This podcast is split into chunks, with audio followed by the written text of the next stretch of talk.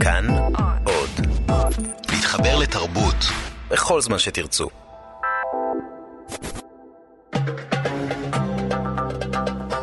גם כן תרבות. עם גואל פינטו.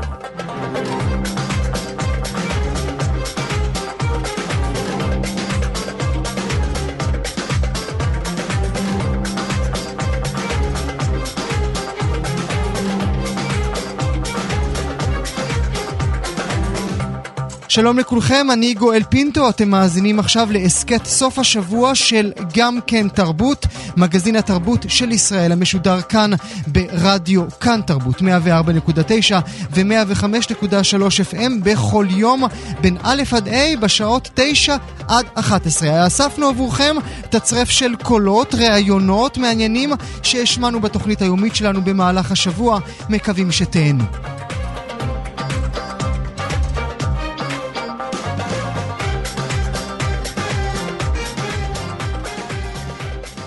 בשבוע שעבר אה, הוכרזו המועמדים אה, לפרסי אופיר בקטגוריות השונות. אה, בקטגוריית הסרט התיעודי הטוב ביותר מועמד הסרט נולד בדיר יאסין, סרט תיעודי של הבמאית נטע שושני.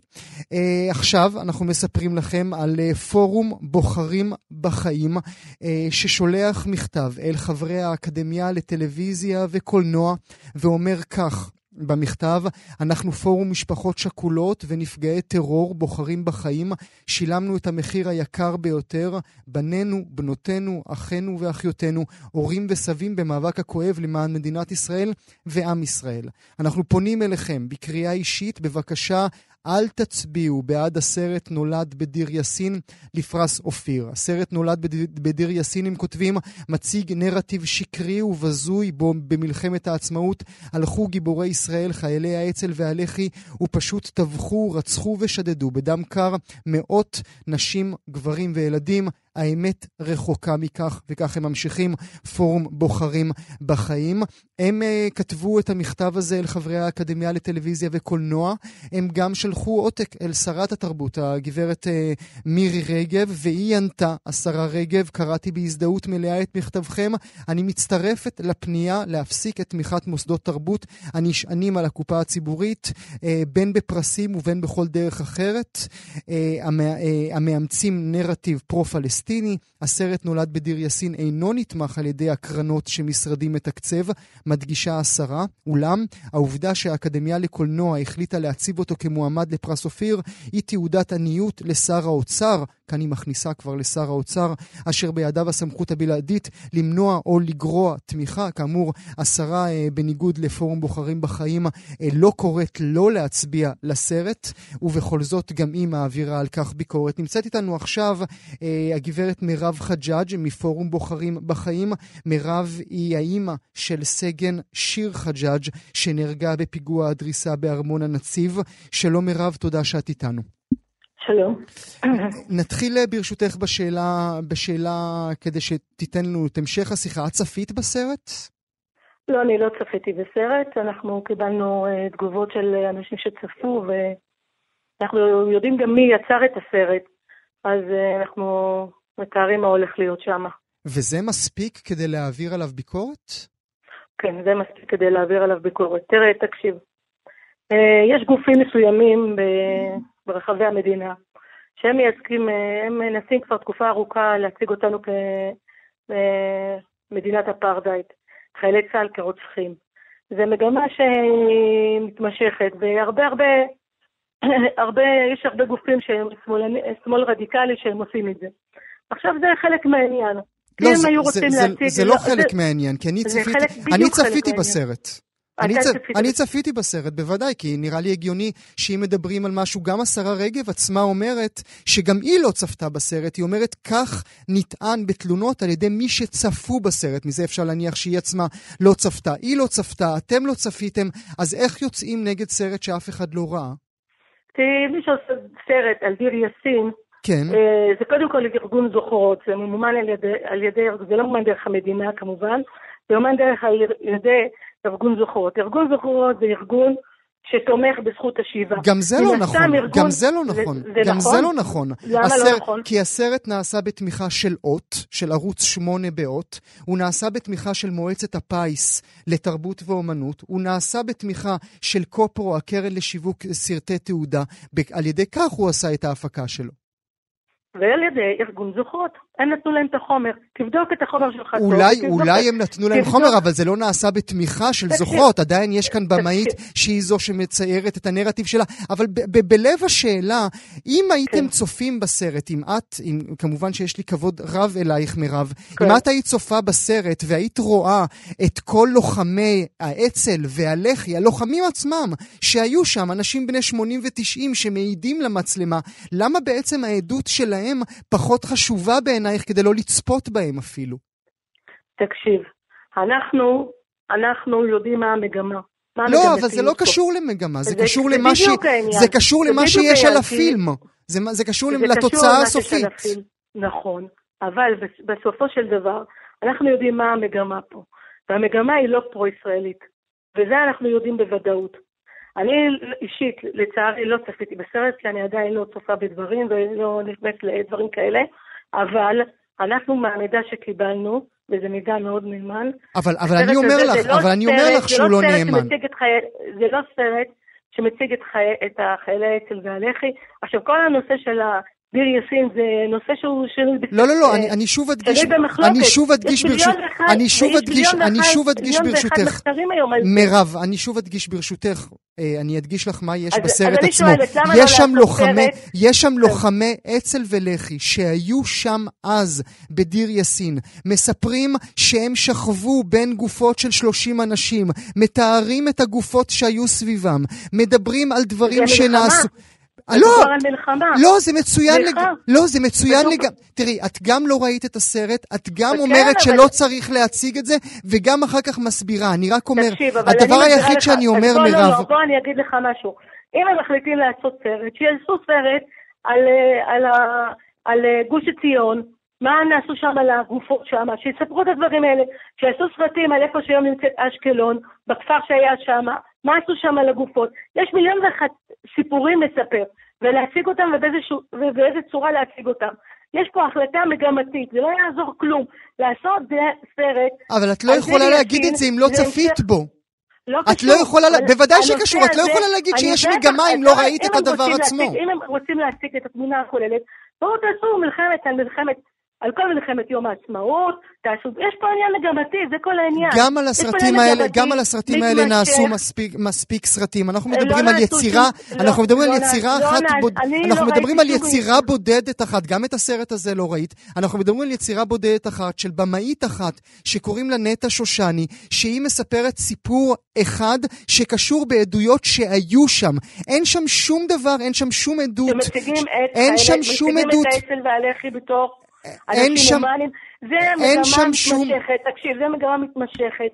של להציג את חיילי... אז מה, גם, אז עכשיו גם אנחנו נמצאים במצב שבו אי אפשר להציג עדויות של לוחמי אצ"ל ולח"י שהיו בהקמת בסדר, המדינה, גם להם אסור לפתוח? אני אין בעיה, אבל אני מה שאני מבקשת, אני אין בעיה, היא יכולה לעשות מה שהיא רוצה, זה מימון שלה, אין לי שליטה על זה לצערי הרב. אין לנו שליטה על מה שהם עושים, כל האנשים האלה. אבל כל האנשים שאני קוראת להם שמאל רדיקלי. כי רוב האנשים מתנגדים לזה, אבל לא חשוב. אני אין לי שליטה על זה, אבל אני יכולה ללכת ולבקש מאנשים פרטיים, מאנשים שהם בוחרים את הסרטים, שהסרט הזה לא ייצג אותנו. זה מה שאני מבקשת. אוקיי, אני, אני, רוצה, אני, לא, רוצ... לא, אני רוצה שנשים רגע, לא... מירב, אני רוצה שנשים רגע נקודה, כי אנחנו כאן בתוכנית ראיינו את uh, נטע שושני, במאית הסרט, uh, כן. לפני מספר חודשים. מתי זה היה, שלומי? זה היה באזור uh, יולי, אוגוסט, אוגוסט בשנה שעברה, כאשר הסרט הוצג באות, כאמור באות, uh, והנה מספר מילים שהיא אמרה לנו. בואו נשמע. תראה, אני חושבת שזה היה מאוד טבעי, כי אני חושבת שזה לא עניין אותי באופן אמיתי. זאת אומרת... לא עניין אותי לעשות סרט שמי שיצפה בו, אה, אה, מישהו, זאת אומרת, ירגיש שאומרים לו מה לחשוב. מה היה בדיר יאסין, מה לא היה בדיר יאסין, היה טבח, לא היה טבח, איזה מין טבח. זה, זה פחות עניין אותי. עניין אותי להגיד משהו על מה שקרה בוודאות במקום הזה, אז הנה, מירב נטע עצמה אומרת שהיא לא מגיעה ממקום של להגיד דברים חד משמעיים של מה שקרה אז. גם אופן הצגת העובדות ושאלת השאלות, שנינו יודעים שזה יכול להיות מגמתי מאוד. אז אי אפשר פה, אני לא מחפש להיתמם. אם הייתה רוצה לעשות סרט שהוא באמת ניטרלי, יש עוד מקומות שיכל לגעת בהם, יפה מאוד לצד. אבל אולי היא נגעה, אולי... לא. איך את יכולה לדעת אם... אבל לא צפית בו, מירב. נכון, לא צפיתי. אז איך את יודעת במה היא נגעה או לא נגעה? אנחנו, יש לנו את המקורות שלנו לדעת מה קורה בסרטים האלה, ועוד פעם, עצם זה שארגון זוכרות הוא חלק מהמממנים של הסרט הזה ושל ההפקה הזאת, לא יעזור כלום. הם, הם לא, זה לא יכול להיות שדבר, סרט כזה, יהיה, יהיה לטובת חיילי צה"ל. ועוד פעם, יש מגמה, מגמה של להציג את חיילי צה"ל, מגמה מתמשכת כדי להציג אותם, ונגד זה אנחנו מוחים. אוקיי. נגד זה. אז אין שם, אז, אז אני, אומרים, אז אפשר, אז בתור מי שצפה כל, בזה, בתור מי שצפה. אוקיי. בזה, מירב, אין שם שום מגמה, בטח לא על חיילי צה"ל של 2018, מדברים על משהו שקרה ב-1948, לא, אז אין שום מגמה, במקרה של הסרט הזה. היום אומרים, אם היום אומרים חיילי צה"ל הם רוצחים, ואנסים, והשם ישמור כל מיני דברים שהם הזויים לגמרי, אז זה בא אחד ועושה סרט, תקשיבו, זה לא מהיום, זה כבר 70 שנה, הנה הם רצחו בדיר יאסין, הנה הם רצחו, וזה כל היום כל הנרטיב הזה של, אה, של דיר יאסין, זה מה שאני קראתי הרבה הרבה מחקרים ששוללים בכלל את כל okay, אוקיי, הסיפור שקרה שם. לסיום, שאלה, שאלה לסיום ברשותך, כי כדרכו של רדיו אי אפשר אה, כן. עד אינסוף. אה, שאלה לסיום, נכון. האם, האם מבחינתך, מבחינת האמונה שלך, מבחינת ההבנה שלך, לאותם לוחמים של האצ"ל והלח"י שהיו שם אז, יש זכות דיבור? הם יכולים לעמוד מול מצלמה ולהגיד את מה שהעיניים שלהם ראו? לכל אחד יש זכות דיבור. אני יכולה לבקש מהצוות שבוחר בסרטו אופיר לפרסי האוסקר, לא לבחור בהם, זה מה שאני מבקשת. בהחלט, בלי ספק. אז זה מה שאתם עושים, וכאמור... בטוח שלכל אחד, אנחנו לא יכולים לעצור אף אחד, אין לנו גם עניין לעצור אף אחד. ושוב, אה, נתחיל במה, נסיים במה שהתחלנו, אה, אה, פורום בוחרים בחיים, קורא לחברי האקדמיה... אני רק רוצה להגיד לך דבר אחד, הבת שלי לא נהרגה, היא נרצחה. נרצחה. אז אמרתי, היא נהרגה בפיגוע, היא נרצחה עם עוד ארבעה קצינים, זה היה רצח. זה לא היה. פורום בוחרים, אה, פורום בוחרים בחיים קורא לחברי האקדמיה שלא אה, לבחור בסרט התיעודי נולד בדיר יאסין. אני רוצה מאוד להודות לך, מירב אה, חג'אג', אימה של סגן שיר חג'אג', שנרצחה בפיגוע הדריסה בארמון הנציב. אני מודה לך שהיית איתנו הבוקר. אנחנו מיד מיד רצים אל הנושא הבא שלנו. נתחיל אותו עם צלילים.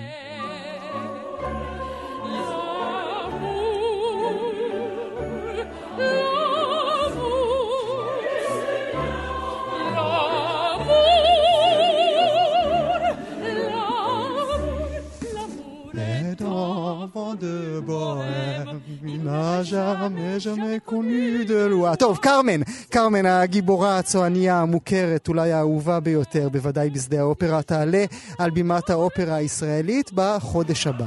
מי שתגלם את קרמן היא הסינדרלה של האופרה הישראלית, המצו סופרן, שבהתראה של כמה שעות נקרתה למלא את התפקיד של קרמן מול קהל של אלפים למרגלות מצדה. זה היה לפני חמש שנים, עכשיו היא מקבלת את התפקיד כנבחרת ראשונה. נעמה גולדמן איתנו, שלום נעמה. שלום, שלום, בוקר טוב. אי אפשר שלא לשיר את זה. אני, אני מתרשמת שאתה יודע את המילים בצרפתית, את, מה זה? יש סיבה שתתרשמי, יקירה, יש סיבה. תספר לי. כן, אני גבר שבתוכו מצו סופרן. אה, נעמה, אה, נעמה, קרמן, זה כאילו, עשית, עשית, עשית מלא, עשית מלא, אה, לא, לא, לא, לא נפרוס עכשיו את כל מה שעשית, אבל קרמן, נכון. זה הדבר? מבחינת מה אתה שואל? מבחינת החשקים, מבחינת הפאר היצירה מבחינתך. עבורי באופן אישי, אתה כן, מתכוון? כן, כן. תראה, אני אתן לך איזשהו משפט שאני שמעתי מנצח שהתראיין, אפרופו אה, ראיונות ברדיו וזה, בהפקת קרמן שאני עשיתי באנגליה שנה שעברה, והוא ענה למראיין, תשמע, להגיד לך את האמת, קרמן זו פשוט אופרה מושלמת. Mm-hmm. עכשיו, אני כאילו חשבתי, רגע, האם אנחנו, בוא נדון רגע בזה פילוסופית, האם אפשר בכלל להגיד על משהו בעולם הזה שהוא מושלם? האם אפשר להגיד על אופרה שהיא מושלמת? ואז חשבתי לעצמי ואמרתי, כן, קרמן זו פשוט אופרה מושלמת. תראה, יש לי הרבה, אתה יודע, חשקים ויצרים כן. ואיך אומרים, אה, מטרות אה, להשיג, אבל אה, קרמן זו בהחלט מטרה שהושגה, מושגת ועוד אשיג. מה הופך אותה למושלמת? יש שם פשוט איזשהו שילוב מדהים בין הדרמה והמוזיקה, כאילו, כל הסיפור של כרמן, שהוא כל כך אנושי וכל כך רלוונטי, לא משנה לאיזה תקופה אנחנו מדברים, עם מוזיקה שהיא פשוט מהממת, הרי יש כל כך הרבה נאמברים מפורסמים בכרמן, שתיקח באמת אה, כל אה, ילד קטן ברחוב ותתחיל אה, לעשות לו טה דה דה דה דה דה דה דה דה כל אחד יודע את כל הנאמברים האלה. אתה בתור מצו סופרן בכלל אתה יודע. אז לא, זה פשוט כאילו אופרה שהיא שילוב מהמם של רגשות, משחק, מוזיקה שמשרתת את כל המטרה הזו. אני, פשוט בצורה מושלמת. אני רוצה לקחת אותך אה, ואת המאזינים שלנו חמש שנים אחורה אל מצדה 2012, דניאל אורן אה, מנצח, אה, ופתאום נעמה הצעירה, שרק לפני שנתיים סיימה את הלימודים שלה באופרה הישראלית. איזה, עוד לא סיימתי, הייתי באמצע. היית עוד באמצע, עוד יותר טוב. כן. וכמה שעות לפרימיירה אומרים לך, גברת, את הולכת לעלות לבמה הערב. אה, נכון מאוד, ומה שקרה זה שאני אסביר בשתי מילים, תמיד על כל תפקיד באופרה יש שני זמרים שעושים אלטרנציה בין ההופעות, כי הופעת אופרה זה, זה משימה קשה ביותר, ויום אחרי יום זה קשה, אז צריך שיהיו שני זמרים על כל תפקיד. היו שתי קרמניות שהגיעו למצדה, שתיהן שווקו תחת אה, חולות המדבר, מסתבר, שווה כוחן. Uh, ואני שבכלל הגעתי למצדה כשוב סטודנטית במיתר אופרה סטודיו של אה, האופרה הישראלית, שזו תוכנית לזמרים צעירים שהאופרה הישראלית מכשירה, באתי בכלל לעשות קאבר, שזה מחליפה לתפקיד אחר, mm-hmm. תפקיד קטן יותר. ואיכשהו כמה ימים לפני שהבוסים פה הבינו שקצת הבנות חולות, קצת זה, אמרו, תעשי טובה, תתחילי ללמוד גם קרמן, שיהיה. אני לא חושבת שאף אחד בכלל דמיין. שזה יכול לקרות. שזה יכול לקרות. ואז פשוט, אני חושבת, ארבע או ארבע וחצי שעות לפני הגנרלית, שאיתה קהל מלא, 7,500 איש, לא סתם, הגנרלית זה גם ה- היום שבו מגיעים כל העיתונאים, mm-hmm. וכל הצלמים, וכל הסלבריטיז מעולם האופרה, מחו"ל, וזה, כל האנשים החשובים הגיעו לגנרלית הזו. ארבע וחצי שעות לפני, פלוס מינוס, אה, בעודי בחזרה עם פסנתרן, עוד לא זוכרת את התפקיד בעל פה, שים לב, עוד לא זכרתי את התפקיד בעל פה בשלב הזה, ארבע שעות לפני. מגיע מיכאל אייזנשטט, המתאם האומנותי של האופרה הישראלית, ואומר לי, תקשיבי, הן לא במצב, אנחנו עשינו החלטה, את עולה. עכשיו בוא נגיד ככה, באותו רגע אני רק זוכרת שאני נפלתי לרצפה, משוק, ומאותו רגע והלאה אני לא זוכרת כלום מהיום הזה, מהערב הזה. ולא, כולל לא למחרת, למחרת הייתה הפרמיירה החגיגית של קרמן, שגם הזמרת שהייתה אמורה לעשות את הפרמיירה, שעלתה על הבמה חצי חולה, mm-hmm. לא הצליחה, היא עלתה על ההופעה, אבל לא הצליחה לסיים אותה, ובהפסקה, במחצית היא ירדה, כן. ואני עוד פעם נקראתי להחליף אותה ולסיים את המחצית השנייה של ההופעה. זאת אומרת, יום אחרי יום, אז באמת, אה, תשמע, זו הייתה חוויה חוץ גופית שאני כנראה לא הייתי בה. לא, זה סיפור פנטסטי מדי בכדי להיות אמיתי, וכל זה קורה, כל זה קורה במצדה. במצדה, המקום הקסום הזה. כל זה קורה במצדה מול 7,000 אנשים, אפילו לא באולם רגיל, שאנחנו יודעים כמובן אה, שהופעה במצדה אה, דורשת מזמר אה, דברים אחרים, נוספים, אה, ממה, ש, ממה שמקום סגור דורש ממנו. בטח, תשמע, זה, מצדה זה, זה, זה גדול מהחיים. קודם כל, הלוקיישן, אתה יודע, בשבילנו זה משהו מיוחד, הלוקיישן של מצדה. אני, אני הרבה פעמים חושבת שלא סתם זה קרה שם. יש לו ערך היסטורי... אה, אתה יודע, אה, מאוד חשוב עבורנו. אה, וגם כמות הקהל, מדובר כאן גם בהופעה שהיא אופן אייר, אז מחויב גם מיקרופונים, אתה יודע שאנחנו בדרך כלל הרי באולם סגור, כל, ה, כל הקטע של אופרה זה שזה ללא הגברה. אה, אז יש גם עניין של הגברה, והמצלמות, וה, והכל מצולם, ואתה. במסכי ענק. ועכשיו שאת, אה, עכשיו שאת, אה, כמו שאמרת במהלך השיחה, כבר גילמת שוב את קרמן, עכשיו את מגיעה לאופרה הישראלית. זאת תהיה הפעם השלישית שלך לבצע את הדמות? לא, לא, אני כבר רצה בכל העולם עם קרמניות כאלה ואחרות. Mm. זה כל פעם היא מקבלת דמות אחרת? לגמרי. כל פעם, כל בית אופרה שמזמין אותי, זו הפקה חדשה לגמרי, במאי חדש, אינטרפטציה חדשה, תלבושות אחרות, סט אחר, הכל חדש לגמרי. תנסי להסביר את זה עבורי ועבור המאזינים שלנו. הרי הליריקה היא אותה ליריקה, השירים אה, אה, הם אותם שירים. למה בעצם היא נראית אחרת בכל פעם, קרמן? תראה, כמו הצגה שאתה הולך לראות, אה, לא יודעת מה, אה, הקבצן של מולייר, אוקיי? בתיאטרון אחד אתה תראה הפקה כזו, ובתיאטרון אחר החליטו לעשות אה, דבר אחר. כך גם בעולם האופרה, זאת אומרת, כל בית אופרה אה, סוחר אה, לשם ההפקה במאי כזה, ו- ומעצב תפאורה כזה, ומעצב תאורה כזה, והם בונים מופע שלם וחדש ואחר, אינטר, עם אינטרפטציה, mm-hmm. אינטרפטציה שונה לחלוטין. אה, שזה, האמת שזה נורא מרתק, כי אתה יכול לפגוש, אה, למשל, אה, תראה, ההפקה שעכשיו תעלה כאן באופרה הישראלית היא ההפקה הטרדיציונלית של הבמאי המפורסם זפירלי, mm-hmm. האיטלקי, mm-hmm. אחת ההפקות הכי מפורסמות, בוא נגיד ככה, שכולם מדמיינים להם את קרמן עם הפלמנקו וזה, זה זאת. בוודאי, בוודאי. זה זאת, אבל יצא לי לעשות בעולם גם קרמניות הרבה יותר מודרניות, למשל, רק לפני 4-5 חודשים אני עליתי לעשות קרמן עם ג'ינס שורט. אה. וכאילו ממש...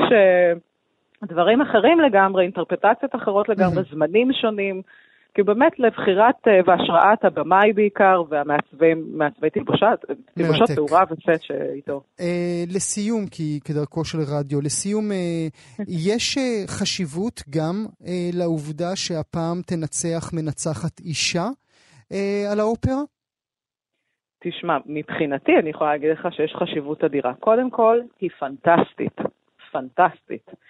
דבר שני, אה, נורא מרגש אותי לעשות פעם ראשונה בעצם, כי עשיתי כבר הרבה מאוד קרמניות ברחבי העולם, וזו mm-hmm. פעם ראשונה שאני עושה את האופרה הזו, שהדמות הראשית בה היא דמות נשית כל כך חשובה בעולם הפמיניזם לדעתי, שלעשות את זה עם מנצחת אישה, שאישה מפקחת ומפקדת על כל האופרציה הזו, mm-hmm. זה משהו אחר. אני אפילו לא יכולה להסביר לך את זה במילים, צריך לבוא ולשמוע, באמת. ויש לה איזושהי גישה כל כך נשית ונכונה לפענח את כל הדבר הזה, זה כל כך מתאים, כשיש לנו פה גיבורה שהיא סמל הנשיות. מרתק. טוב, נאמר שוב, אה, החל מחודש הבא, אה, קרמן עולה על בימת האופרה הישראלית. קרמן תהיה נעמה גולדמן. נעמה, אני מודה לך שהיית איתי הבוקר, ואנחנו כמובן נשמע עוד משהו מקרמן. תודה, נעמה. תודה רבה. גם כן תרבות. אתם מבקרים בתערוכות ובמוזיאונים, נהנים, מתרשמים, דנים עם השותפים שלכם לביקור או עם עצמכם על האיכות ואופי היצירות, אבל אף פעם לא באמת שאלתם את עצמכם האם האומן, האומנית, שבעבודתיהם אתם צופים בכלל קיבלו שכר על העבודה שלכם. נעשה לכם ספוילר? הם לא. עכשיו אה, איגוד האומנים הפלסטיים מנסה לעשות מעשה. איתנו האוצרת עדי אנגלמן, מנהלת קשרי ממשל ומוסדות באיגוד האומנים. שלום עדי, בוקר טוב לך. היי, בוקר טוב, שבוע טוב. התשובה היא פשוטה, כמו שאמרתי. פשוט אתם לא מקבלים שכר על העבודה שלכם. Uh, האומנים אכן לא מקבלים שכר על העבודה, וזה כל כך מוזר ובלתי נתפס, שבאמת אנשים לא טורחים לשאול את עצמם, מקבלים, לא מקבלים, כי מניחים שהרי שכן. יש את הבן אדם שעומד במרכז התערוכה, סביבו עובדים הרבה אנשי מקצוע, תאורנים, מעצבים גרפיים, עוצרים, תולים, מנקים וכולי וכולי וכולי, אבל מי לא מקבל שכר? האומנים עצמם. בדיוק. מה, אז בואי נלך אחורה. בואי נלך okay. אוקיי. אחורה כדי שנוכל באמת להסביר את הסיפור כולו עבור המאזינים שלנו. אה, אה, אתם פונים, אומן פונה אל מוזיאון, או מוזיאון פונה אל אומן, ויחד מחליטים ליצור תערוכה. שם זה מתחיל. נכון, נכון. משם, אה, משם איך זה ממשיך? נכון. אה, משם בעצם אה, ביחד עם האוצר שאמון על התערוכה תובעים את התערוכה, זה אומר את הקונספט של העבודות שיוצגו, זה תהליך מאוד ממושך במוזיאון, זה יכול לקחת בין שנה לשנתיים, mm-hmm. בגלריות ציבוריות חצי שנה עד שנה. זו תקופה שבה האומן האומן לאורך כל התקופה הזאת טורח על העבודות שלו, טורח על היצירות שיוצגו. בשלב הזה שהוא טורח, הוא לא מקבל כסף. לא רק שהוא טורח, הוא על פי רוב גם מממן אה, בדרך כלל את המימון הראשוני או את ההוצאות אה, לפני שעוד בכלל מתקצבים את התערוכה ולפני שיש אפשרות להוציא כסף מהמוסד. יש כבר הוצאות, צריך להפיק מודל וצריך להפיק כל מיני דברים שהשלבים הראשונים הם בדרך כלל לא מתוקצבים, mm-hmm. ולא רק שהאומן לא משולם, כמו שאנחנו מקדימים את המאוחר, אבל בעצם אה, הוא גם הרבה פעמים מכניס את היד לכיס. כן, אפילו בדברים הפשוטים, גם אם זו יצירה, גם אם אלה יצירות שיוצגו שאינן אה, אה, מסובכות מדי, אלא רק צריך אה, קנבס ו- וצבעים, גם זה עולה כסף, ואת זה הוא מממן בעצמו. באיזה, באיזה שלב המוזיאון הוא זה שמתחיל להוציא כסף מהכיס? Uh, כמה חודשים לפני uh, תחילת התערוכה, בעצם על פי רוב התקציב נהיה נזיל ומתאפשר. אה, ואז שוב, אה, מחלקים את התקציב לכל מיני סעיפים, אה, כשהאומן על פי רוב לא נלקח בחשבון. 90 ומשהו אחוז מהתערוכות בעצם לא לוקחות בחשבון את האומן, ולא רק מדובר על תערוכות, גם הרצאות, ציורי גלריות, באים אספנים עשירים לראות תערוכה, המוזיאון רוצה להתהדר בהם, מזמינים את האומן, האומן מגיע על חשבונו, משלם את המונית. אוקיי, okay, זה, אנחנו, זה אנחנו נגיע לשלבים, okay, אוקיי, ה, לשלבים okay. האלה טיפה יותר מאוחר. Okay. זאת אומרת, okay. אוקיי. את, אומרת ש, את אומרת שבעצם אה, למוזיאונים יש אה, אה, קובץ אקסל, שבו כתוב כמה נותנים לכל אחד, האומן לא נמצא באף אחד מהשורות. בהחלט, ויש גם מוזיאונים שדורשים מהאומן להשיג מימון נוסף. זאת אומרת, הם נותנים איקס, תקציב איקס, ומבקשים מהאומן להשיג אה, השלמת תקציב בגובה Y כלשהו, ואז האומן מוצא את עצמו, אומן או אומנית כמובן, מוצאים את עצמם לא רק אה, אה, עמלים על העבודה שתוצג בתערוכה, זה כולל גם כמובן דמי שכירות של סטודיו שבה, שבו עובדים על התערוכה וכולי, ולפעמים אסיסטנט ועוד ועוד. אה, אה, חוץ מזה, הרבה פעמים הוא גם נדרש בעצם להמציא עוד מימון, שזאת עבודה בפני עצמה. אתה יודע, גייסי תקציבים זה עבודה בפני עצמה. כמובן. עכשיו, מה שאת מספרת לנו הוא נכון גם אה, לאומן אה, בכיר וגם לאומן מתחיל? כן, כן. אה, שוב, אז אני לא רוצה, יש, יש גלריות ויש מוזיאונים אה, ציבוריים שכן... אה, משלמים שכר, אם האוצר הראשי או המנהל הוא מודע בעצם לעוול הזה, על העוולה הזאת, אז כן, אה, אז כן נעשה מאמץ להפריש סכום כלשהו, זה אף פעם לא סכום שהולם באמת את, אה, את העמל, אבל משהו. אה, שבעצם הטענה של כל המוזיאונים, גם אנשים שאנחנו דיברנו איתם במהלך סוף השבוע, היא טענה, אנחנו נותנים את הפלטפורמה. נכון. אבל אפשר להגיד את זה בעצם על כל דבר. אני עכשיו פגשתי איש שמתקין תריסים, ואני משלמת לו, אני בעצם נותנת לו את הפלטפורמה, ואחר כך תהיה, באמת, ואחר כך תהיה מודבקת, אה, מודבק, מודבקת מדבקה עם השם שלו, ככה אני אגב הגעתי אליו, אני נותנת לו את הפלטפורמה, אז יאללה, בוא נלחץ ידיים ונעשה את העבודה ונלך הביתה. זה לא נכון, המוזיאונים והגלריות הציבוריות, אנחנו מתייחסים כרגע רק לגלריות והמוזיאונים הציבוריים, לא הסקטור הפרטי והמסחרי. הם ממומנים על ידי תקציבי מדינה, תקציבים עירוניים אה, וכולי, תקציבים ציבוריים בקיצור. אה, והם מקבלים את הכסף הזה, ואחר כך גם הם נמדדים היוקרה שלהם והתקציב שלהם נמדד בעצם על היוקרה וההצלחה של כל תערוכות. Mm-hmm. אז יש לך אינטרס שהתערוכה תהיה מוצלחת וטובה, אז בוא נתגמל, בוא נחזיר גם אה, למי שעומד במרכז הדבר הזה. הרי בלי אומנים אין מוזיאונים ואין גלריות. למה השאלה הזו, התהייה הזו, הנקודה הזו עלתה רק באמצע 2018? אה, אני אגיד לך שלצערי הרב אה, זה טרנד עולמי. אנחנו עכשיו נמצאים באיזה מין גל התעוררות ומודעות כזאת בכל העולם. ישראל היא לא יחידה במינה. כשהתחלנו לחקור ולבדוק את הדבר הזה יותר לעומק באיגוד האומנים הפלסטיים, אה, גילינו שבעצם אה, מרבית העולם, כולל המדינות המתוקנות, אנגליה, צרפת, גרמניה, ארצות הברית וניו יורק, אה, אתה יודע, שהיא לב הפועם של סצנת האומנות, זה לא קורה, אין, לא משלמים שכר לאומנים, ואיגוד האומנים הפלסטיים בישראל הוא בעצם עכשיו מיישר קו עם איגודים מקצועיים אחרים בעולם, שבאים בדרישה הזאת, זו עכשיו mm-hmm. דרישה עולמית. זה קרה ככה, מין גל כזה, בטח קשור אה, לאירועי 2011 ולהתעוררות ולמודעות. כן. של המעמד הפועלים, סליחה שאני משתמשת במונח שאני לא יודעת אם הוא רצוי ואהוב או לא, אבל זה מה שאנחנו. אה, אז, אז, אז, אז זה מה שנקרא מוטב מאוחר מאשר אף פעם לא. כמובן. לא. אתם, אתם ניגשתם עם הטענות שלכם והדרישות שלכם רק אל המוזיאונים או גם אל משרד התרבות שמתקצב את אותם מוזיאונים? אה, פנינו קודם כל החוצה באיזה מין...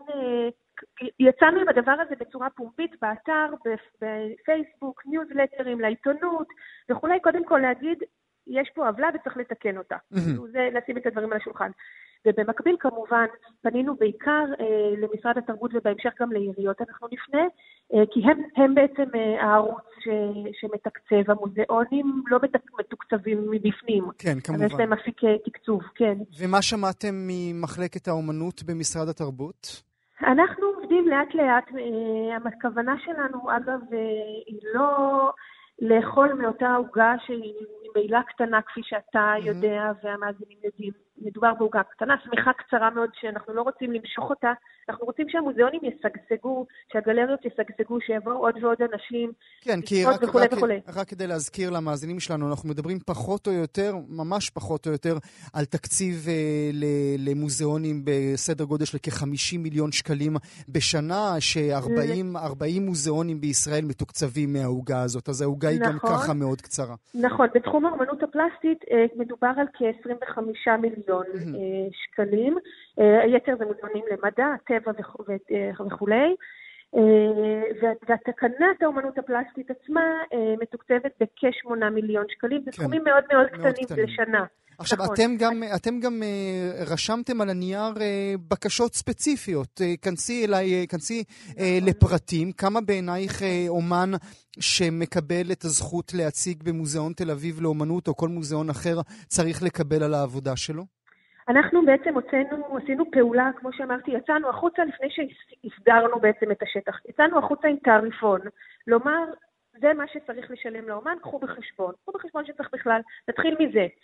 אה, ותקצבנו באמת לאומנים, לתערוכת יחיד, אה, תקצבנו או 20% מגובה אה, תקציב התערוכה או 10,000 שקלים. כשהתחלנו בתחילת השיחה, סיפרתי שאומן עובד בין שנה לשנתיים על תערוכה, חישוב מהיר אומר שהוא מקבל בין 500 ל-1,000 שקל לחודש, mm-hmm. נכון? זה ממש ממש מעט, וזה כמובן לא הולם את ההשקעה, אבל זה משהו. זהו, אנחנו מקווים שאנחנו בדרך הנכונה, שהתקציב הכללי יגדל לאור הבקשה שלנו. זאת בעצם המטרה. המטרה היא לא למשוך אלינו את השמיכה הקטנה, אלא שמשרד התרבות אה, ישתתף איתנו בהליך הזה, אה, ובעצם ירחיבו את התקציב כמו שצריך. ומהמוזיאונים עצמם, מה שמעתם? תשמע, יש, אה, יש אה, עוצרים, אוצרות, מנהלים, מנהלות שהם אה, חוששים מהמהלך הזה, כי כמו שאמרנו, יש מעט מאוד כסף, זה ממש מלחמה על חיים ומוות. מי שמנהל מוסד תרבות, מוזיאון וגלריה ציבורית, זה, זה פשוט, זה להיות או לחדול מדי יום. אנחנו שוב לא רוצים שאף אחד יחדול, ההפך, אנחנו רוצים שהשדה יהיה יותר מקצועי, יעבוד יותר נכון, שאנשים יתוגמלו על העבודה שלהם. אה, כמובן שהיה, שהיו מי שפחות בעניין, אבל כולם כמובן מבינים שהאומן מגיע לו את שכרו. Mm. אין, אין, אין שאלה בעניין הזה. כמובן. טוב, אנחנו כמובן נהיה על הסיפור הזה, נראה את ההתפתחות שלו. אני רוצה להודות לך, אה, עדי אנגלמן, מנהלת קשרי ממשל ומוסדות באיגוד האומנים. תודה רבה לך שהיית איתנו הבוקר. להתראות, שבוע טוב, ביי. אני מזכיר לכם, מאזינים יקרים, שאת כל תוכניות גם כן תרבות אפשר להזין על ידי שימוש באפליקציית כאן אודי. אה, נורא פשוט, פשוט ייכנסו לחנות האפליקציות. האפליקציות, הורידו את כאן אודי, ושם תוכלו להאזין לנו בכל מקום בו אתם נמצאים, לא משנה באיפה בארץ, גם בשידורים חיים, גם בשידורים חוזרים, ולא רק לתוכנית שלנו, אלא בכלל לכל תנאי התוכניות הרחב של כאן תרבות. ולנושא הבא שלנו, מדריך המסעדות הצרפתי גואמיו עשה עלייה לישראל, או השבוע פרסם את רשמיו מביקור במוסדות הקולינריה ברחבי הארץ. על פי העולה מהמדריך, השף הטוב ביותר בישראל הוא רז רהב, השף הקובע טרנדים הוא אייל שני, מסעדת הקונספט הטובה ביותר היא הרצל 16 בתל אביב, ועוד. עם ההכרזה על הממצאים מתעורר שיח, בעיקר ביקורתי, על ההחלטות עצמם. איתנו עכשיו רותם מימון, עורך אה, מדור האוכל בהארץ, שיכריע בסוגיה. שלום רותם, תודה שאתה איתנו הבוקר. בוקר טוב. בוא נתחיל בהנחת יסוד uh, לשיחה שלנו. Uh, גואם יו הוא uh, מדריך מסעדות נחשב בעיניך? Uh, זה קצת חמקמק. כלומר, בעולם הוא נחשב למדריך השני בחשיבותו, אבל אם אה, תסתובב באמת באירופה, אפילו בצרפת מולדתו, לא ממש תמצא אותו אה, בכל מקום. אה, אולי היה הדבר הכי חם לפני 15 שנה, אולי קצת אפילו יותר מזה, אבל מספר 2 זה מספר 2, ואם מדריך בינלאומי מגיע לישראל, אנחנו אף פעם לא לא צריכים להגיד לו לא. אוקיי, okay, אז הנה, זו הייתה, זו הנחת היסוד שלנו לשיחה, אנחנו לא אומרים לו לא, ואז הוא מפרסם את הבחירות שלו. האם uh, רז רהב, רותם מימון, הוא השף הטוב ביותר בישראל? וואו, פה אתה אה, מכניס אותי למלכוד קטן, כי אם אני אגיד שלא, אז זה בעיה, ואם אני אגיד שכן, זאת גם בעיה.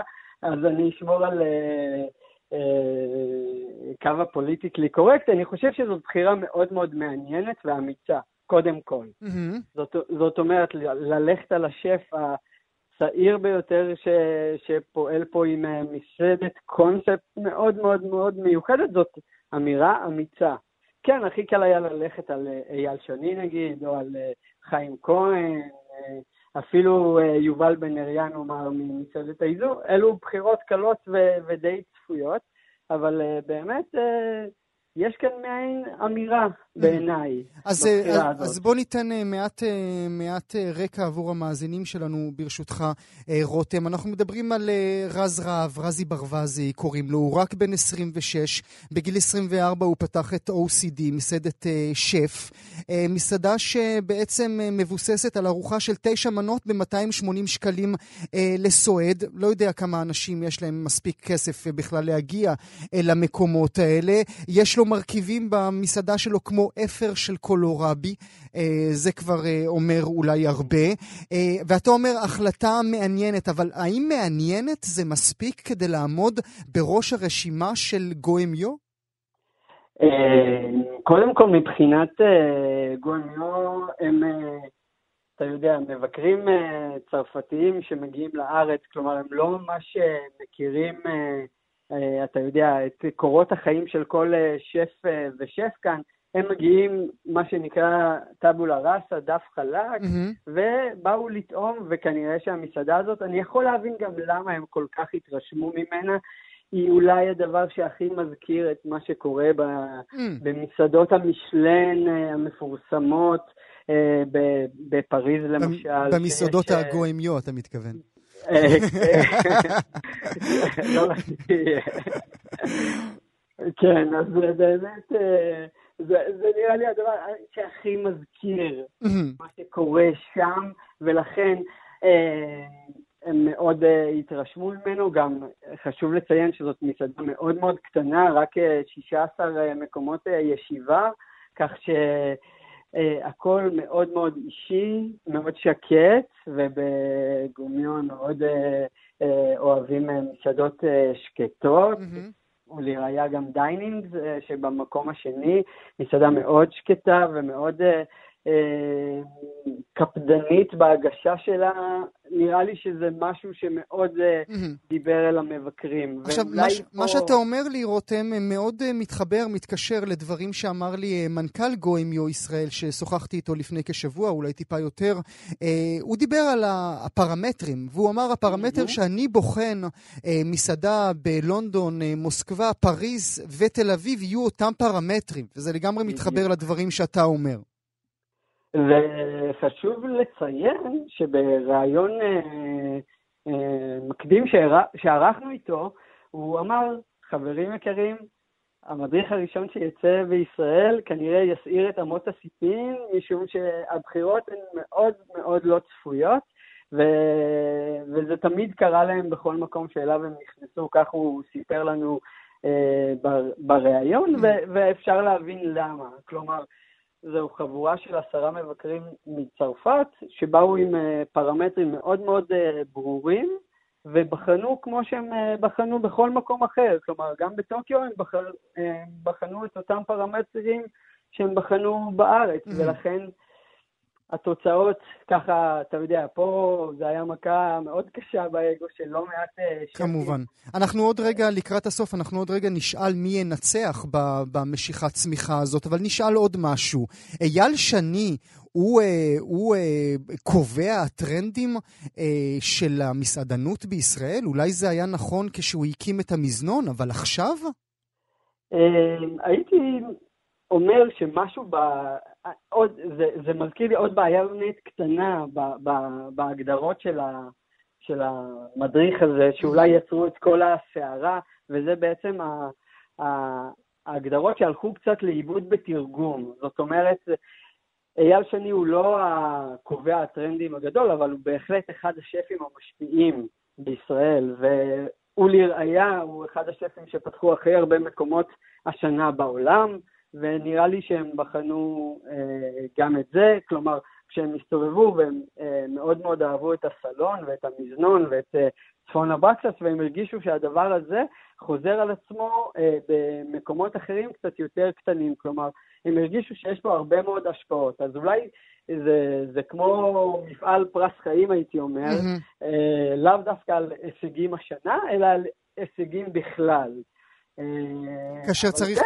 כאשר צריך לזכור שאותם מבקרים, וכמובן הבעלים והמנהלים של גוימיו, פחות או יותר אייל שני זה השם שהם מכירים עוד לפני שהם הגיעו. בדיוק, לכאן. בדיוק, בדיוק. זה, הם מכירים אותו אה, מפריז, הם מכירים אותו מווינה, הם שומעים את שמו בעולם, קל מאוד אה, להתחבר לזה.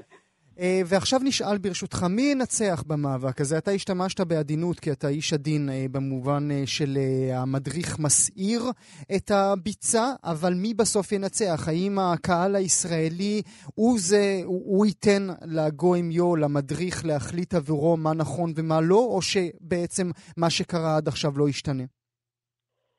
זאת שאלה טובה מאוד. אני רוצה לקוות שבעבור מי שלא שוחה הסצנה הקולינרית, הכניסה של המדריך אה, תחשוף בפניו הרבה מאוד אה, שמות שהם לא הכירו קודם, ואני מרגיש את זה בשבוע האחרון לגבי רזי, אה, שפתאום אנשים שאף פעם לא הכירו אותו, שואלים ומתקשרים, ו- ונראה לי שהתפוסה בזמן הקרוב למסעדה שלו תלך ו- ותגדל. Mm-hmm. יחד עם זאת, אני חושב שהביקורת שנשמעה בארץ על המדריך היא מאוד מאוד מאוד קשה, ו- ובשנה הבאה יצטרכו לעשות שם איזושהי אה, עבודה מאוד מאוד, אה, אני אגיד את זה ב- בלשון עדינה שוב, מאוד חשובה כדי להשיג מחדש את ה... את הקהל עצמו, כי זה מה שחשוב. בדיוק. וגם את השפים, שככה נטשו בזעם את הטקס. טוב, זה בכלל נפלא. רותם מימון, עורך מדור הארץ, עורך מדור האוכל בהארץ, אני מודה לך שהיית איתי. תודה לכם. אלא הנושא הבא שלנו. אחרי עבודה של שנים, ייפתח בשבוע הבא אה, מוזיאון הטבע החדש באוניברסיטת תל אביב. הפתיחה תהיה בהערצה בינתיים, והמקדימים מביניכם המאזינים יוכלו ברכישה מוקדמת של כרטיסים לבקר בו. איתנו עכשיו הדס זמר בן ארי, עוצרת ראשית ומעצבת החוויה במוזיאון הטבע. שלום הדס, תודה שאת שלום. איתנו. ברכות. תודה רבה. כמה זמן חיכית לזה כבר? אני בפרויקט הזה למעשה בישורת האחרונה שלו, זה אומר אה, קצת יותר משלוש שנים. שלוש שנים, ואת מגיעה כן. למשרד שלך לפני שלוש שנים, אה, ואומרת לעצמך, מה, מה אני רוצה לעשות שהמבקר הראשון ביום שני בבוקר יקבל? אז זה בדיוק השאלה, אתה יכול להיות מעצב חוויה מעולה, כי זו בדיוק השאלה שאני שאלתי את uh, ועדת ההיגוי של המוזיאון כשהתחלנו uh, לעבוד ביחד, ובעצם הדגשתי להם לדמיין מה המשפט שהם רוצים שמבקרים יגידו להם אחרי שאנחנו מסיימים את כל התהליך, מה, מה שהם יגידו להם כשהם יוצאים החוץ אחרי הביקור, mm-hmm. ואחת התשובות שככה uh, הפכה להיות uh, איזשהו עיקרון מוביל בתוך עיצוב החוויה שלנו, זה שיותר משהמוזיאון רוצה שאנשים יצאו החוצה ויגידו וואו כמה למדתי, הוא רוצה שהם יצאו החוצה אל העולם ויתבוננו בו ויגידו וואו, יש לו עוד כל כך הרבה מה לספר לי, יש עוד כל כך הרבה מה לדעת, יש עוד כל כך הרבה מה ללמוד. להתאהב, להתאהב מחדש בעולם? Uh, בהחלט, כן, להתקרב אליו, להתקרב אל הטבע, להזדהות איתו, ללמוד ממנו, להעריך אותו, mm-hmm. לכבד אותו. עכשיו, יש מוזיאוני טבע בעולם, אנחנו כולנו, כאשר אנחנו אה, נוסעים לארץ רחוקה, זה פחות או יותר הביקור ביום השני או השלישי כזה בטיול שלנו תמיד. Uh, את למדת גם מהם? אנחנו בהחלט למדנו וכמובן בקיאים בשדה בו אנחנו פועלים. למוזיאון עצמו יש קשרים אה, קשרי אה, מחקר וגם אה, קשרים של ממש למידה של התצוגות ואופן ההכנה שלהם ממוזיאונים אחרים. ויש באמת, יש באמת שוני, שינוי בין מוזיאונים שונים? יש הבדל בין מוזיאון הטבע בניו יורק למוזיאון הטבע בפריס? אני חושבת שכן. אה, זה מוזיאון הוא, הוא תמיד איזשהו תוצר אה, של אה, הקשר מקומי. Mm-hmm. יש ערכים ויש מסרים שהם אוניברסליים. זאת אומרת, אני חושבת שכל מוזיאון טבע בסופו של דבר רוצה לקרב את האדם לטבע. אה, ויש אה, ניואנסים בפנים של אה, דרכים של איך כל אחד בוחר לעשות את זה. ודיברת על ההקשר המקומי, אני מוצא בו חשיבות רבה. ההקשר המקומי לכאן ולעכשיו, לישראל שלנו, איך, איך, איך הפגנת אותו במוזיאון עצמו? קודם כל, אנחנו מציגים במוזיאון את אוספי הטבע הלאומיים של ישראל. יש לסבר את האוזן ולומר שמדובר באוסף של אה, כ-5.7 מיליון פריטים שקיים אה, ונצבר ונחקר כבר עשרות שנים באוניברסיטה. אה, מתוכם אנחנו מראים כ-3,000 פריטים בתצוגות שלנו, ומטבע הדברים, רוב הפריטים והאוספים האלה, לא, לא כולם, אבל רובם הם מתוך הטבע הסובב אותנו. Mm-hmm. אז, אז קודם כל, המוצגים הם, ה, הם הטבע שלנו. גם הנושאי התצוגה אה, אה, נוגעים הרבה פעמים לטבע אה, סביבנו. אם אנחנו רוצים לדבר על משבר המגוון הביולוגי, או אה, על כך שנעלמים, אה, אנחנו נמצאים באיזושהי תקופה של, של היעלמות מינים מן העולם, mm-hmm. אז הדרך שבה אנחנו מדגימים את זה זה על האזור שלנו, שזה מן הסתם הכי רלוונטי ו... ואת אה, עצמך אה, מגיעה מעולם המדע והטבע או מעולם האומנות? אני מגיעה מעולם המוזיאונים וגם האומנות. אין לי השכלה מדעית. אני היית, חושבת... היית צריכה לעבור תהליך.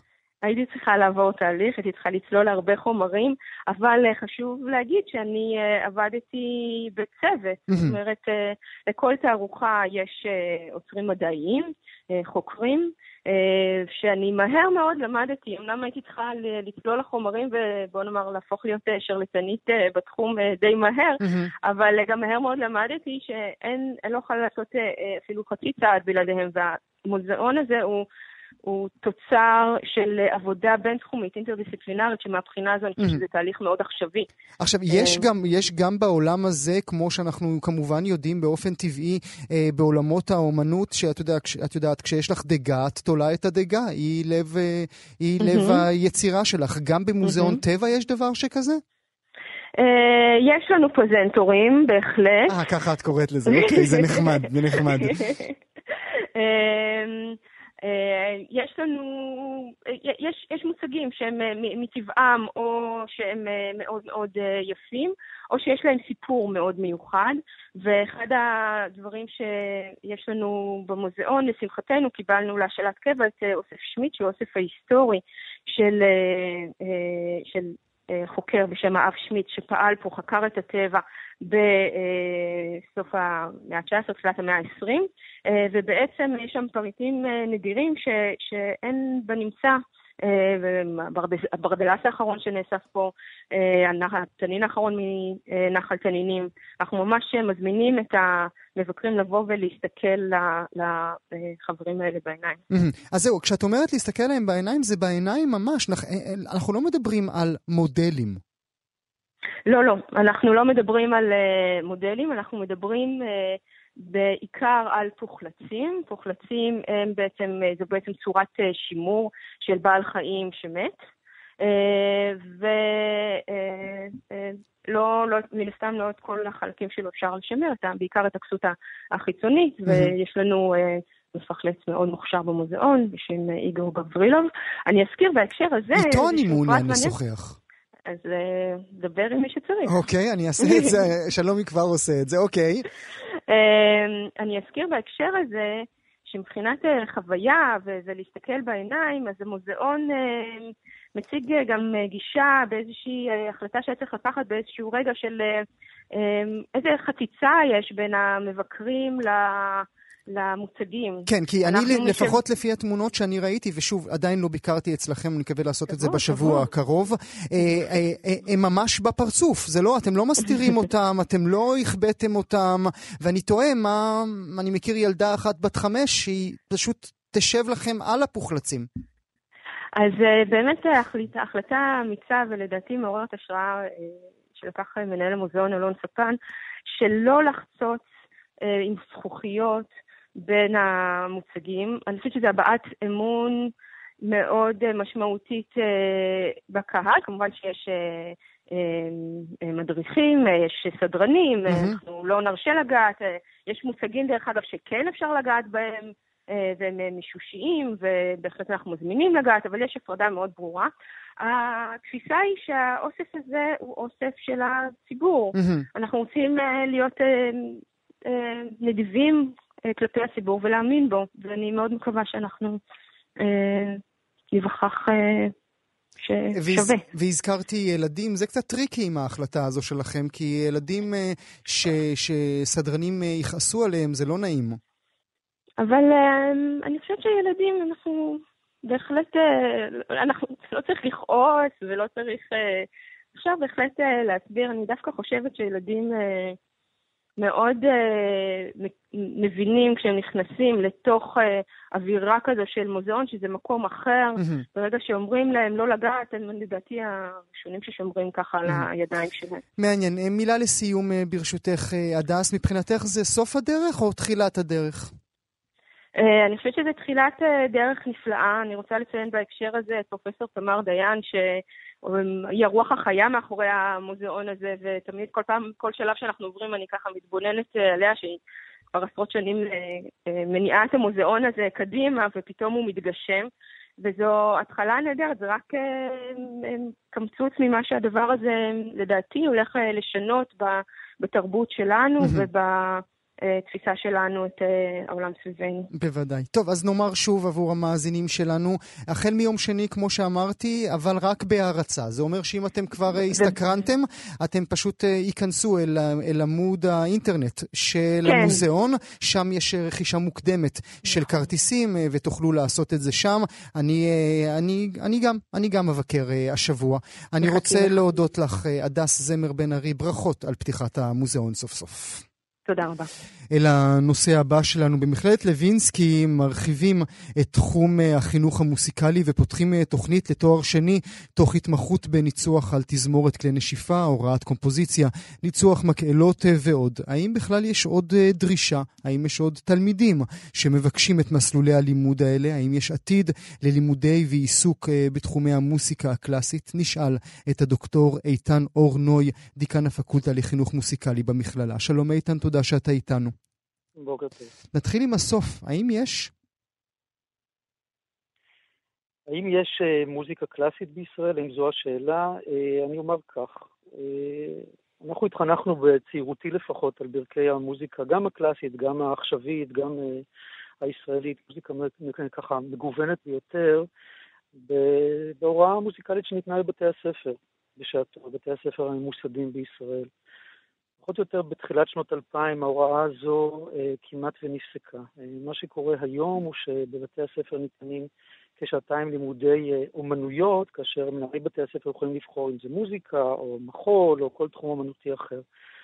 אה, שזה נפלא ויפה, רק אה, מה שזה יוצר זה שיוצר אה, פה איזשהו משבר, משבר אמיתי בהשכלה המוזיקלית, בוודאי של, אה, של בני הדור הצעיר. אה, אז לשאלתך, אני, אני קצת, אה, קצת חושש, אני אומר ככה בגלוי. החשש, קצת, הוא, uh... החשש הוא גם מקובע במציאות? יש לך, יש אצלכם פחות תלמידים, פחות מתעניינים? אז אני אומר כך, זה לא רק אצלנו, יש לי uh, תחושה ויותר מתחושה שהדור אכן הולך ופוחת, uh, ואני גם אסביר. אני חושב שכיום uh, יש בהחלט דרישה למוזיקה. אנחנו שומעים מוזיקה בכל פינה, זה בין אם זה ברינקטונים שלנו, או בתוכניות הריאליטי, או, או באינטרנט. זאת אומרת, מוזיקה שלא כמו לפני 100 או 150 שנה, ככה ממש מקיפה אותנו מכל עבר. אבל יש הבדל בין אה, מוקפים בצילויים לבין להכיר את התרבות המוזיקלית, להיחשף אליה, ללמוד אותה כמו שצריך, באמת אה, להתאהב בה אה, במלוא מובן המילה. וכאן אני חושש שיש אה, פער עצום בין מה שהיה לפני 20 או 30 שנים לבין היום. אני חושב שהאותות לזה ניתנים באמת בשנים האחרונות. אנחנו נתקלים בפחות ופחות סטודנטים שמעוניינים ללמוד אה, הוראה מוזיקלית, לא רק אנחנו, אני חושב שזו תופעה כלל ארצית, ואני אומר אפילו אולי, אולי אפילו תופעה אה, אה, במערב שהולכת ופושה במוסדות הלימוד. אה, אני אגיד שאצלנו בארץ המצב הוא אה, מצב מוזר, כי יש מנהלים שמעוניינים בלימודי מוזיקה אצלנו בבית הספר, יש לנו למעלה מ-300 תקנים שמשוועים למורים למוזיקה. אז איפה הם? למעלה מ-300 בתי ספר שמעוניינים במורים, ופשוט אין סטודנטים. אין אה, חבר'ה שמעוניינים ללמוד את המקצוע. רגע, בוא נסביר שוב, נסביר שוב את הנקודה. יש 800 תקנים, או שפספסתי את המספר? 300. 300. יש 300 תקנים שאינם מאוישים? אכן כן. למעלה מ-300 תקנים להוראה מוזיקלית במוסדות החינוך היסודי לפחות בישראל. אני אספר שיש כ-130 מגמות מוזיקה, וזה נפלא ונהדר. בתיכונים, במוסדות היסודיים, מאחר והמוזיקה היא מקצוע כל כך חשוב, אכן יש הרבה מנהלים של מוסדות שמעוניינים בלימודים, אבל אנחנו צריכים לאייש אותם. וזה המקום של מכללת לוינסקי לחינוך, אצלנו הפקולטה לחינוך מוזיקלי, שהיא ככה למעלה מ-70 שנה, היא הוותיקה ביותר בארץ בתחום הכשרת המורים למוזיקה, בזה אנחנו עוסקים כל השנים כולן. ואנחנו באמת רואים בשנים האחרונות שיש פחות ביקוש, יש פשוט פחות דרישה להוראה, וזה מוזר. זה אולי כי אנשים, רוצ... אולי כי אנשים רוצים להיות יו-יומה והם לא רוצים להיות מורים למוסיקה? יכול להיות, אתם, אנחנו חשבנו על התופעה הזאת מכל כיוון אפשרי. אמרנו, אולי אנשים אה, ככה מתחילים את חייהם המקצועיים בניסיון אה, או במחשבה להיות אומנים יוצרים, וזה כמובן מאוד מאוד נכון וחשוב, אבל אנחנו גם לא רואים את ההבדל בין השניים. אין אומן יוצר, בין אם הוא יו-יומה או פרלמן, ובין אם אה, כל אומן אחר, שלא עוסק בהוראה. כולנו עוסקים ועסקנו, בין אם זה בשיעורים פרטיים, בשיעורים קבוצתיים, בשיעורים עיוניים, בשיעורי נגינה בסדנאות אה, לקבוצות גדולות, כולם כולם עוסקים בהוראה. הוראה זה חלק מהאומנות, חלק מהתרבות. גם מוצרט, כן, עסק בהוראה מוזיקלית. כך שאין סתירה בין השאלה אם הם תופסים את זה ככה, אתה מבין? זאת אומרת, אה, מוצרט יכול היה להרשות לעצמו, וכמובן כל המאסטרים הגדולים, כמובן שהיו מורים, זה, זה, זה, זה דבר בסיסי. השאלה בתחילת חייהם, אם הם תופסים את זה ככה. אמ, אני אגיד לך כך, בוודאי שבחור צעיר, וכולנו עברנו את זה בתחילת חייו הקרייריסטי, הוא אומר לעצמו, אני אכבוש את העולם ואני אומן ידוע, בין אם זה זמר או נגן או מה שלא יהיה. אמ, היתרון של מוסדות הלימוד, ואני ככה אומר בצניעות שגם המוסד שלנו, מכללת לוינסקי, הוא העובדה שאנחנו אף פעם לא מפרידים בין השניים. ההפרדה הזאת היא מלאכותית, היא בעצם לא קיימת. אין לימודי הוראה מוזיקלית בלבד. מי שלומד הוראה מוזיקלית לומד הכל, הוא גם לומד נגינה ושירה. זה חלק אינטגרלי ממקצועות הלימוד אצלנו, או במוסדות אחרים. כלומר, זה חלק מהעניין. אתה לומד גם לנגן וגם לשיר, גם להיות אומן מבצע, גם להיות מה שנקרא סינגל סונג רייטר. קוראים לזה היום, אבל גם לעמוד מול כיתה ולדעת איך להעביר את החומר המוזיקלי, וגם ללמוד את המקצועות העיוניים המוזיקליים. זאת אומרת, התפיסה היא תפיסה הוליסטית. כך שמבחינה הזו אנחנו אה, עונים על, ה, על ה, ככה, הדרישה הזו ללימודי אה, אומנות אה, ביצועית. אני חושב שהבעיה היא באמת יותר מהותית מזאת. אני באמת אה, חושש שהבעיה נעוצה בעובדה שמגיל צעיר, היום ילדי ישראל והדור הצעיר יותר פשוט, פשוט פחות, פחות נחשפו לעניין הזה, הם פחות נחשפו לימודי מוזיקה, הם פחות מכירים את המטריה, ולכן לא ייפלא שכשהם מגיעים לגיל הלימודים הגבוהים בעולם ההשכלה הגבוהה, הם פחות נחשפים והם... אתה אומר, הם פשוט לא מכירים, ואם הם לא האזינו אה, לשוברט בילדותם, אז אין שום סיבה או סיכוי שהם ייתקלו בו בבגרותם, ואז בוודאי שלא יחליטו על זה כמסלול חיים. נראה להם מאוד מוזר, זה גם מקצוע שצבוע אולי קצת באפוריות, מה, אתה יודע, הם לא הם מצאו אותו בבתי הספר היסודיים באותם אה, ילדים שלמדו בבית הספר, הם לא מכירים את המקצוע עצמו. אה, זה נכון שהרבה מכירים את העולם, העולם התהילה של הזמרים הגדולים, האומנים הגדולים, התרבות המוזיקלית הככה יותר נוצצת.